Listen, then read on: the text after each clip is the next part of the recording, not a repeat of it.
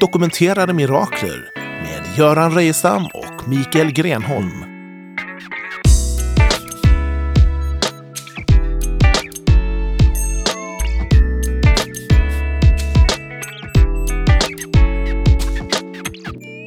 Hej och välkommen till ännu ett avsnitt av Dokumenterade mirakler. Podden och radioprogrammet om oförklarliga mirakelhelanden av sjukdomar framför allt. Och eh, ständig gäst är Mikael Grenholm. Hallå, Välkommen. hallå! Tack, Tack. så jättemycket. Eh, jättekul att ha det här igen. Det här är ju avsnitt fem i, i vår programserie och det här avsnittet finns ju naturligtvis att ladda ner liksom de andra avsnitten i serien där poddar finns och eh, på Sveriges Radios webbsida. Eh, och med flera ställen kommer den säkert spridas runt omkring också, Facebook är ett annat. Idag har vi en speciell gäst tillsammans med oss här. En, den första i raden av flera, eller hur Mikael? Som du är också en av de eh, case studies, kan man kalla det för, som du tar upp i din bok. Per-Ola Malm, välkommen hit! Tusen tack. Eh, det som är väldigt speciellt med dig Per-Ola, det är att du är ett synnerligen unikt fall av blivit fri från en helt obotlig och dödlig sjuk, nervsjukdom, nämligen ALS.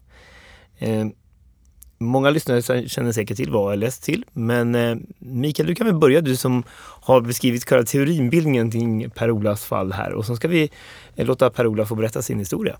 Precis, det här är ett otroligt fascinerande fall eh, och jag är så glad att jag fick tag på Per-Ola och att du ställde upp för att vara med i boken. ALS är alltså en nervsjukdom, en förlamningssjukdom som eh, bryter ner nervcellerna i hjärnan och ryggmärgen eh, som gör att musklerna eh, slutar fungera. Eh, så de allra flesta som får diagnosen dör efter två till fyra år.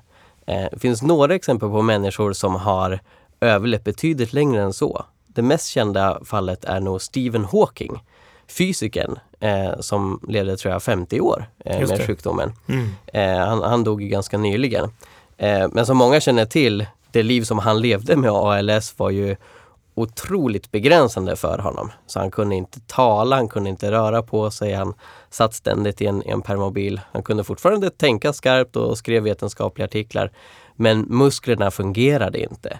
Eh, så det är en väldigt allvarlig sjukdom. Eh, för inte så länge sedan så uppmärksammade man det här på ett ganska roligt sätt med Ice Bucket Challenge. Så folk hällde vatten över sig själva och la upp videor för att uppmärksamma vikten av social media-sak. Ja, vi- vikten av att hjälpa människor med ALS och samla in pengar till forskning på ALS. Eh, för att det är en så otroligt destruktiv sjukdom. Och det här kan man ju själv studera om eh, man kanske är skeptisk till det vi kommer säga i programmet för det är väldigt skarpt, det vittnesbördet och det är väldigt kontroversiellt. Men det är enkelt då för var och en att gå och sitta vid sin dator eller vid sin mobil och googla på ALS och eh, söka på all information som nätet, på nätet som finns kring den här sjukdomen så är den helt samstämmig. Den här sjukdomen är 100% dödlig, finns inga dokumenterade fall eh, där någon har blivit friskförklarad av ALS utöver den vi kommer möta här just nu. Utan det är, det är en dödlig sjukdom och den längsta överlevnaden som jag har läst på i alla fall på nätet, det kan en del nå genom just då respiratorhjälp eftersom den sista funktionen i nervsystemet som lägger av är andningsfunktionen. Eh, och då kan man få lite längre överlevnad som typ Richard eh, Dawkins då. Ja, berätta mer. Hur möttes ni? Ja, Per-Ola, jag upptäckte dig på nätet kan man säga. Jag har ju dammsugit internet efter exempel på oförklarade tillfrisknanden och blev väldigt glad när jag såg ditt fall. Men vill du berätta lite om vem du är? Ja, jag heter Per-Ola Malm. Jag hette Per-Ola Karlsson då, 1985. 2001 så gifte jag om mig och antog min hustrus namn Malm. Och vi bor 30 kilometer norr om Norrtälje. Jag är maskiningenjör i botten. Jag har, läst, jag har rest utomlands många år bakom järnridån. Jag har varit inom gruv och entreprenadbranschen och haft ett ledande jobb i, i ett amerikanskt företag. Och eh, 1900, nej, 2001 så flyttade vi till Norrtälje och därifrån nästan omedelbart ut till Gåsvik som ligger i närheten av Älmsta. Jag är idag 78 år gammal. Har två vuxna barn. Jätteroligt. Och ehm, jag har ju sett att du använder din Facebook aktivt för att bland annat berätta om det här miraklet och för att berätta om din tro på Jesus överlag. Vad gör att du är så aktiv där? Nej, jag anser och tror fortfarande att den kristna tron måste spridas mer. Och att vi har ett, ett, ett uppdrag, missionsuppdraget, att eh, sprida kunskapen om Jesus Kristus. Det är därför jag gör det. Mm. Och som du nämnde så skedde det här alltså i mitten av 80-talet. Eh, så det har gått en lång stund sedan dess och du är fortfarande fri från ALS. Skulle du vilja beskriva hur du upptäckte att du hade den här sjukdomen och hur symptomen uppenbarade sig? Ja, för det första trodde jag ju aldrig att jag skulle bli sjuk. Nummer ett, jag var en överlevare, trodde jag. Av egen kraft. Jag har idrottat mycket. Och vi hade en sommarstuga ute i skärgården och eh, sprang och gick ofta i träskor. Träskorna föll av mig, ramlade av fötterna och jag funderade varför. Och när man håller träskor på fötterna så vinklar man upp höger och vänster stortå för att gå. Och det gick inte. Det började på det att jag tappade skorna helt enkelt. Jag skulle skjuta med ett luftgevär. Jag orkade inte hålla luftgeväret ifrån att vara ett i stort sett fulltränad idrottsman. Mm. Och efter det så gick det inte särskilt lång tid tills du hamnade i rullstol, visst var det så? Ja, i början, i slutet av september då, så var jag sittande i rullstol. Ja. Mm. Till midsommaren 1985 upptäckte jag det här. Mm. Och när fick du eh, själva diagnosen att det var ALS? Det var förmodligen den 31 oktober 1985. Då satt du redan i rullstol? Ja. Och vad tänkte du när de sa att du hade den här sjukdomen? Ja, För det första så trodde jag att läkarna inte visste vad de pratade om. Jag var ganska så övertygad om att det här var en, en skada på ryggraden. Så jag hade i tankarna då redan sålt hus och båt och bil och köpt en flygbiljett till USA. Där trodde jag de skulle kunna fixa det här. Just det, du litade mer på amerikanska läkare än på de svenska kanske? Ja, Att du hade någon nervskada där helt enkelt förvärvat då eller? nej det trodde jag inte utan jag trodde att det var en, en, en överbelastning av kotorna så att nerverna var skadade. Okej. Ifrån ryggraden och utåt. Mm. Och det var ungefär som läkaren hade kunnat läsa eller höra vad jag tänkte. Så det ska vara bara att veta om, säger han, att det finns bara ett enda ställe i världen där man kan det här lika mycket som jag. Och så satte han fingret på sig själv. Och det är Houston, Texas. Då grusade han alla möjligheter för mig. Mm. Så du överbevisades om att det helt enkelt var Ja, ALS? då, då gav jag upp. Då gav jag mig. Ja. Och vad tänkte du då? Tänkte du att nu kommer jag snart dö? Nej, jag tänkte först och främst, vem ska ta hand om barnen? Ja. Jag tänkte att eh, nu kan jag inte idrotta längre. Det var nog de första tankarna jag hade. Mm. Eh, sa de på den tiden hur lång överlevnad du kunde tänkas ha? Nej, de sa ingenting om det. Utan de bara talade om att, eh, vad jag hade för... De, han sa, du har ALS, han. Ja, vad är det, sa jag. Kan man bli bättre? Nej, jag känner inget sånt fall. Det var, det var det jag fick reda på.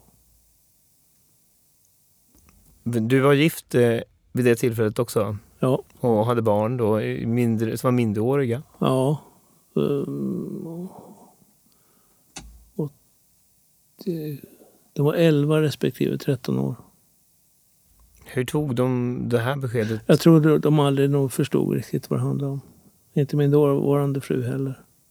Ingen förstod det. Mm. det, var, det, var, en- det så, så upplever jag det. Mm. Det var inte så att man... Jag bröt ihop, men ingen annan. Men läkaren sa mer eller mindre rakt ut till dig att du kommer förstås dö av detta. Nej, det sa han inte. Det, det, det kommer väl alla göra, men, men inte på det sättet. Då. Men den slutsatsen drog jag själv efter vad jag sedan kunde läsa mig fram till.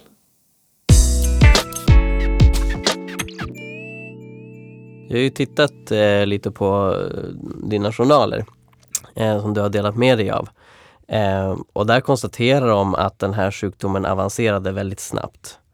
Eh, så de, de ansåg att det var en ganska dramatisk utveckling av ALS. Mm. Och som sagt, du hamnade i rullstol. Var det fler sätt som, som den här sjukdomen påverkade dig annat än att du inte kunde gå normalt? Ja, det påverkar ju för det första benen och armarna. Det var ju där jag märkte det. Det var ju de musklerna i första rum. Talet hände ingenting med. Mm. Det var benen och armarna. Du hade svårt med kniprörelser och svårt att lyfta armarna. Ja, jag har ju lite sviter fortfarande. Till exempel om jag ska en A4-pärm som, pärm som är 5, 6, 7 centimeter tjock. Om jag ska ta och lyfta den pärmen med tummen och pekfingret så glider den ur händerna på mig. Mm. Jag kunde inte greppa om, om, om saker och ting och lyfta så här. Så ska jag lyfta en, en tung sak med händerna så måste jag ta det under handen så att säga. Och att du hamnade i rullstol, benen bar inte helt enkelt längre då. Ja, precis. Mm. Var du troende på Jesus vid den här tiden? Ja. Jag var döpt i vatten 1983 i april. Så hur gick det då till när du vände dig till Gud i bön om detta? Jag hade ju träffat en evangelist, Inge Ström, och eh, det var på en tältmötesserie under sensommaren 1985.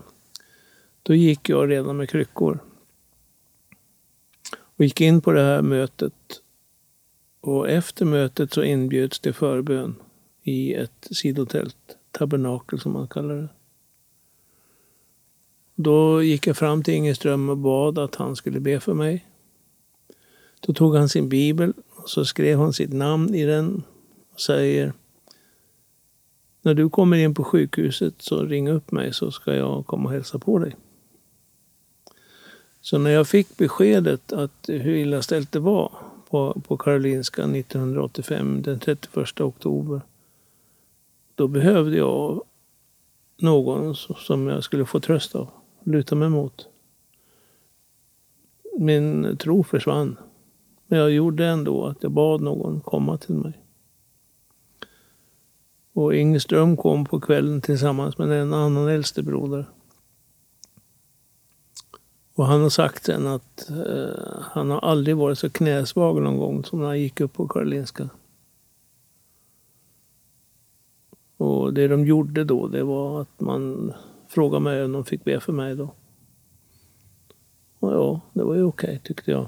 Så vi gick in i ett separat rum. Och så klippte de symboliskt banden som jag hade till det onda och smorde mig på bibliskt sätt med olja i pannan.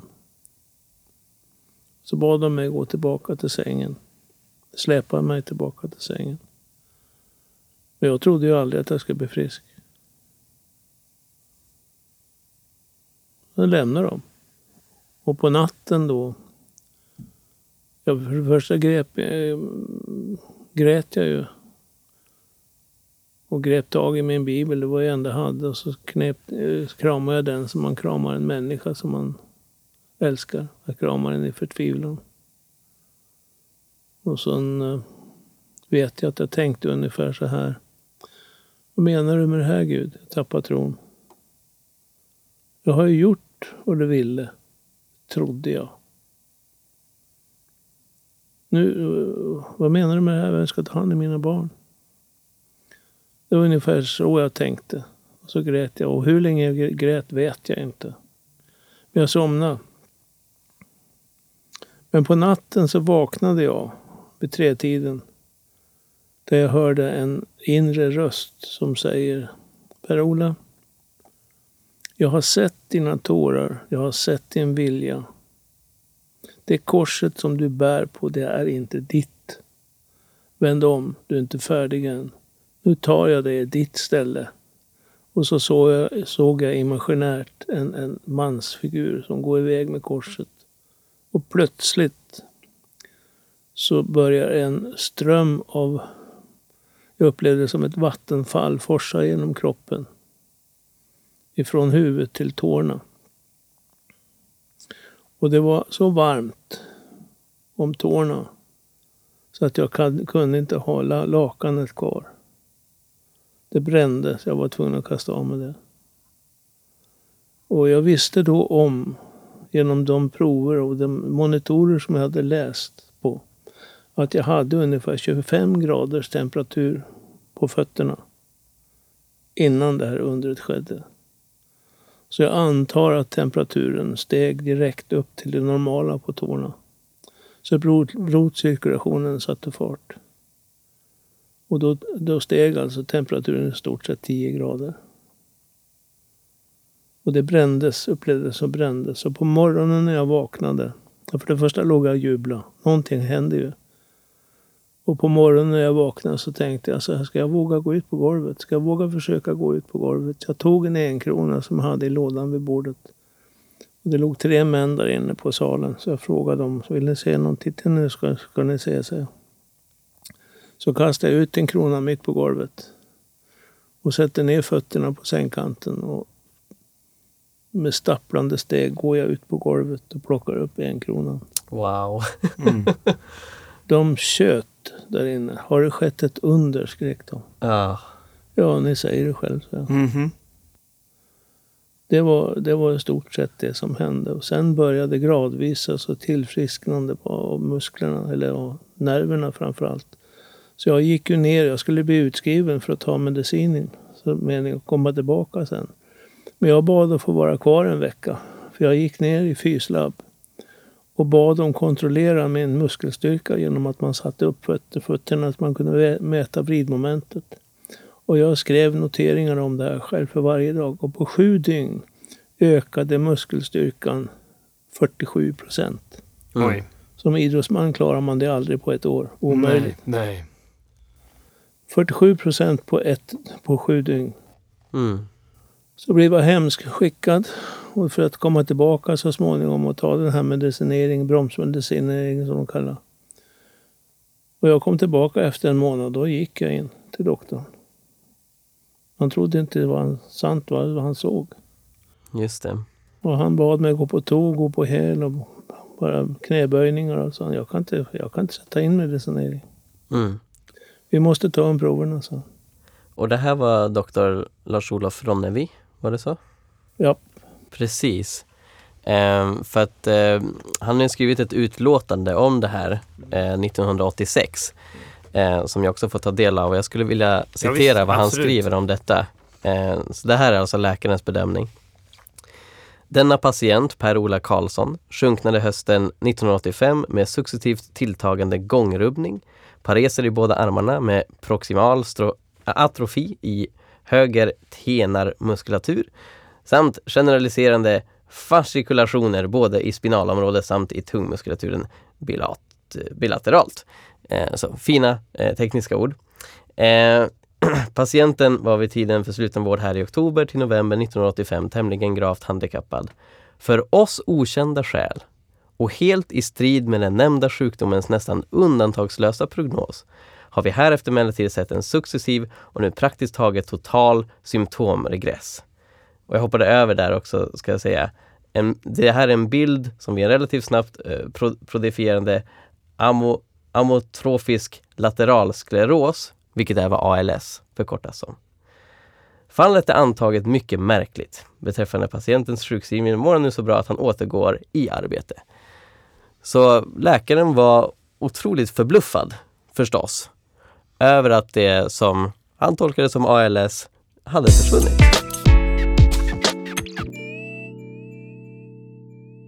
Och det här är alltså en sjukdom för lyssnare nu som är skeptiska och kritiska eh, och tänker så här, ja men det finns, det kanske inte var det som diagnos, men ALS till skillnad från exempelvis Parkinson, om jag förstår saken rätt, det är ju en sjukdom som du kan ju ta blodprov och se eh, spåren av sjukdomen i blodprov, om jag förstår saken rätt, eller hur? Det som man sa till mig det var att man tog ett blodprov och man mätte plasmaaktiviteterna i blodet. Så uttryckte man det sig. Vad det nu är vet inte jag.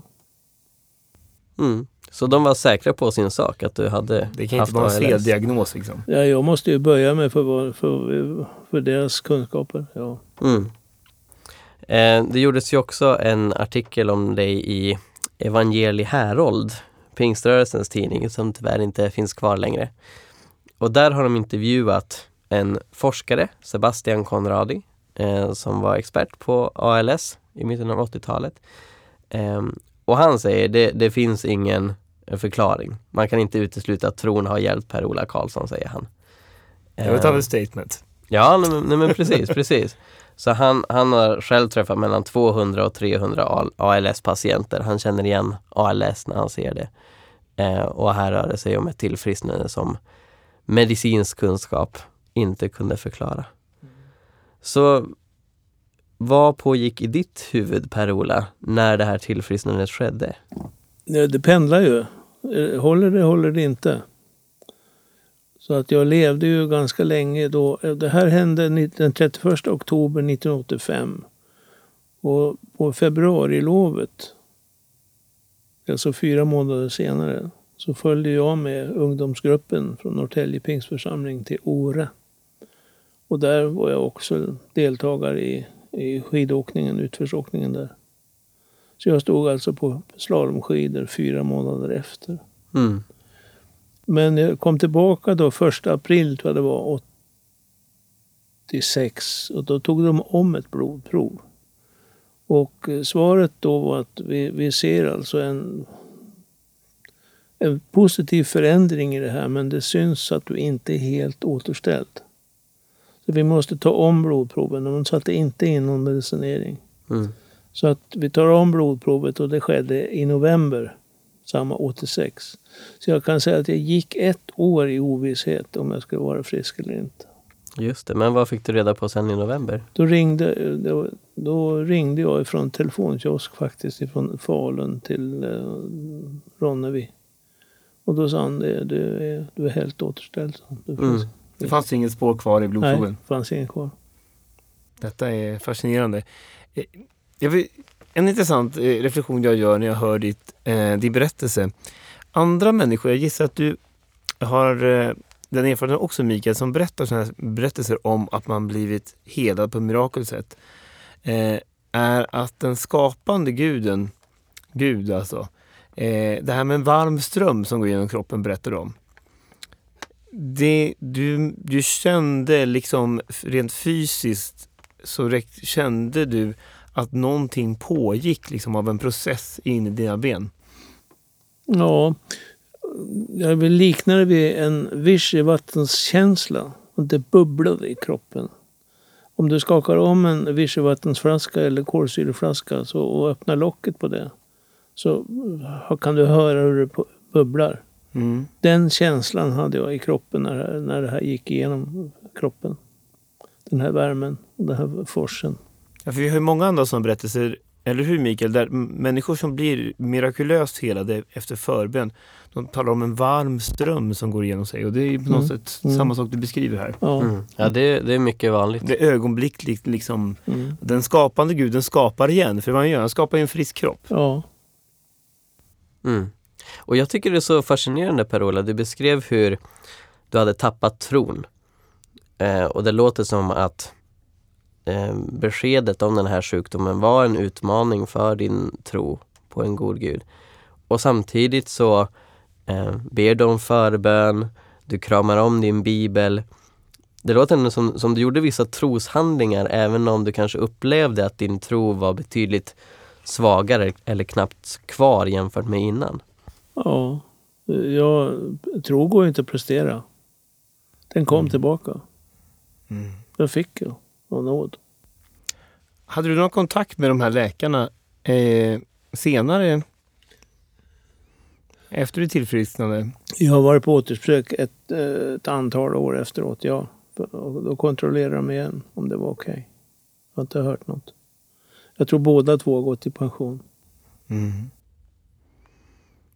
Då rent vetenskapligt är du först här Mikael med att försöka, liksom ändå försöka förklara eller ändå eh, eh, understödja den här berättelsen. Eh, för det här är ju någonting som inte går att beforska när det är ett unikt case. Eh, jag har en fråga till, för den som är stark i matematik. När du, hur gammal var du när du, när du insjuknade? 45 år. 45 år gammal. Du sa att du blev döpt i vatten då, du blev vuxen döpt, baptistiskt döpt ett par år innan. April 83. Det som, det som ledde mig till det här, det var ju faktiskt eh, utvecklingen. Jag är natur... Jag tycker jag kan ganska mycket om naturvetenskap och, och historia och geologi och, genom min, mitt yrke och min bakgrund. Så jag, jag eh, hade för planer att starta ett bolag och börja med bergvärme. Och undersökte då grundvattnet i, i Sverige 1980 och då var det så surt så att, så att vattnet hade en lägre surhetsgrad än apelsinjuice faktiskt, ett lägre pH-värde. Och då, då, blev jag, då blev jag skraj. Wow. Och då träffade jag en brunnsborrare i Norge som jag så provocerade hon. Förklara det här, så jag med i jungfrufödelsen. Du som är kristen. Då så la han händerna på mig och sa han, Per-Ola, vet du om sa han, att för, det står i Bibeln att för människor är det inte möjligt, sa men för Gud är inget omöjligt. Förresten, sa han, vet du om att det står i Bibeln att världens vatten ska bli surt? Vad sa du, sa jag. Då, då blev jag nyfiken på det. Och det första jag gjorde när jag kom in på ett hotell och fick tag i en gideonitbibel och började läsa i den. Och leta. Jag måste ha reda på sanningen. Det var så det började. Vad spännande. Wow. Hur påverkade det här tillfrisknandet din tro och din syn på mirakler? Inget är omöjligt för Gud. Du fick en sån visshet. Ja, inget är omöjligt för Gud. Om Gud är Gud så är inget omöjligt. Då har ju också Gud kunnat inkarnera sig i Jesu moders, moderliv. Annars är inte Gud Gud. Mm. Har det här varit något att falla tillbaka till nu när det har gått så många år? Kanske i perioder när det har varit svårt eller när det har funnits tvivel att du har kunnat tänka på den gången då Gud grep in och befriade dig från ALS? Jag har nog förändrats. Jag har nog blivit mer ödmjuk tror jag. Hur, hur menar du då? Jag var nog ganska kaxig innan. Jaså? och så kom ödmjukheten istället. Ja, jag, jag tror så. Det är ju alltid någon annan som bedömer det. Mm. Guds storhet blev ju påtaglig. Att det här, ja, är inget, ja. det här är ingen teori, det är inget Nej. vi gör på söndagar, ingen nej, eh, nej, nej. alltså här, skild från det praktiska vardagen. Det här Nej. är 100% verklighet. Det Det- måste ju, ja, 24-7. ja, exakt ja. måste bli en sån tydlig känsla att Mm. det är ingen lek. Nej. Mm. Det är sanningen. Mm.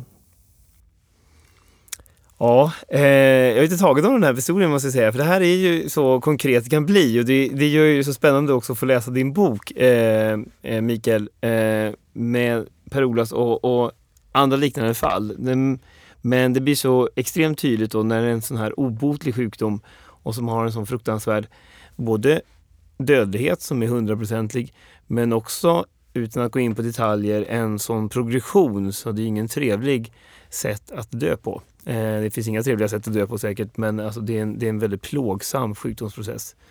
Ja, precis. Och väldigt begränsande att man kan göra mindre och mindre i livet. Mm. Eh, finns det möjlighet för den som lyssnar och, och via vår Facebook-sida kanske mm, få kontakt med dig och skriva till dig och, om några ytterligare frågor? Ja visst, det går bra. Då ska vi som redaktion lägga upp det så att det, vi möjliggör en sån kontakt, direktkontakt. Det finns säkert många som har frågor kring det du upplevde och har med om och det här kan ju väcka mycket tröst och för, eh, hopp hos många lyssnare. Stort tack Per-Ola för din medverkan och tack eh, än en gång Mikael för eh, en ett fantastiskt spännande avsnitt och välkommen tillbaka lyssnare nästa gång till Dokumenterade Mirakler. Tack! Tack så mycket. Tack för att jag fick komma. Har du blivit berörd av det här programmet eller har någon fråga? Skriv ett mejl till info dokumenterandemirakler.se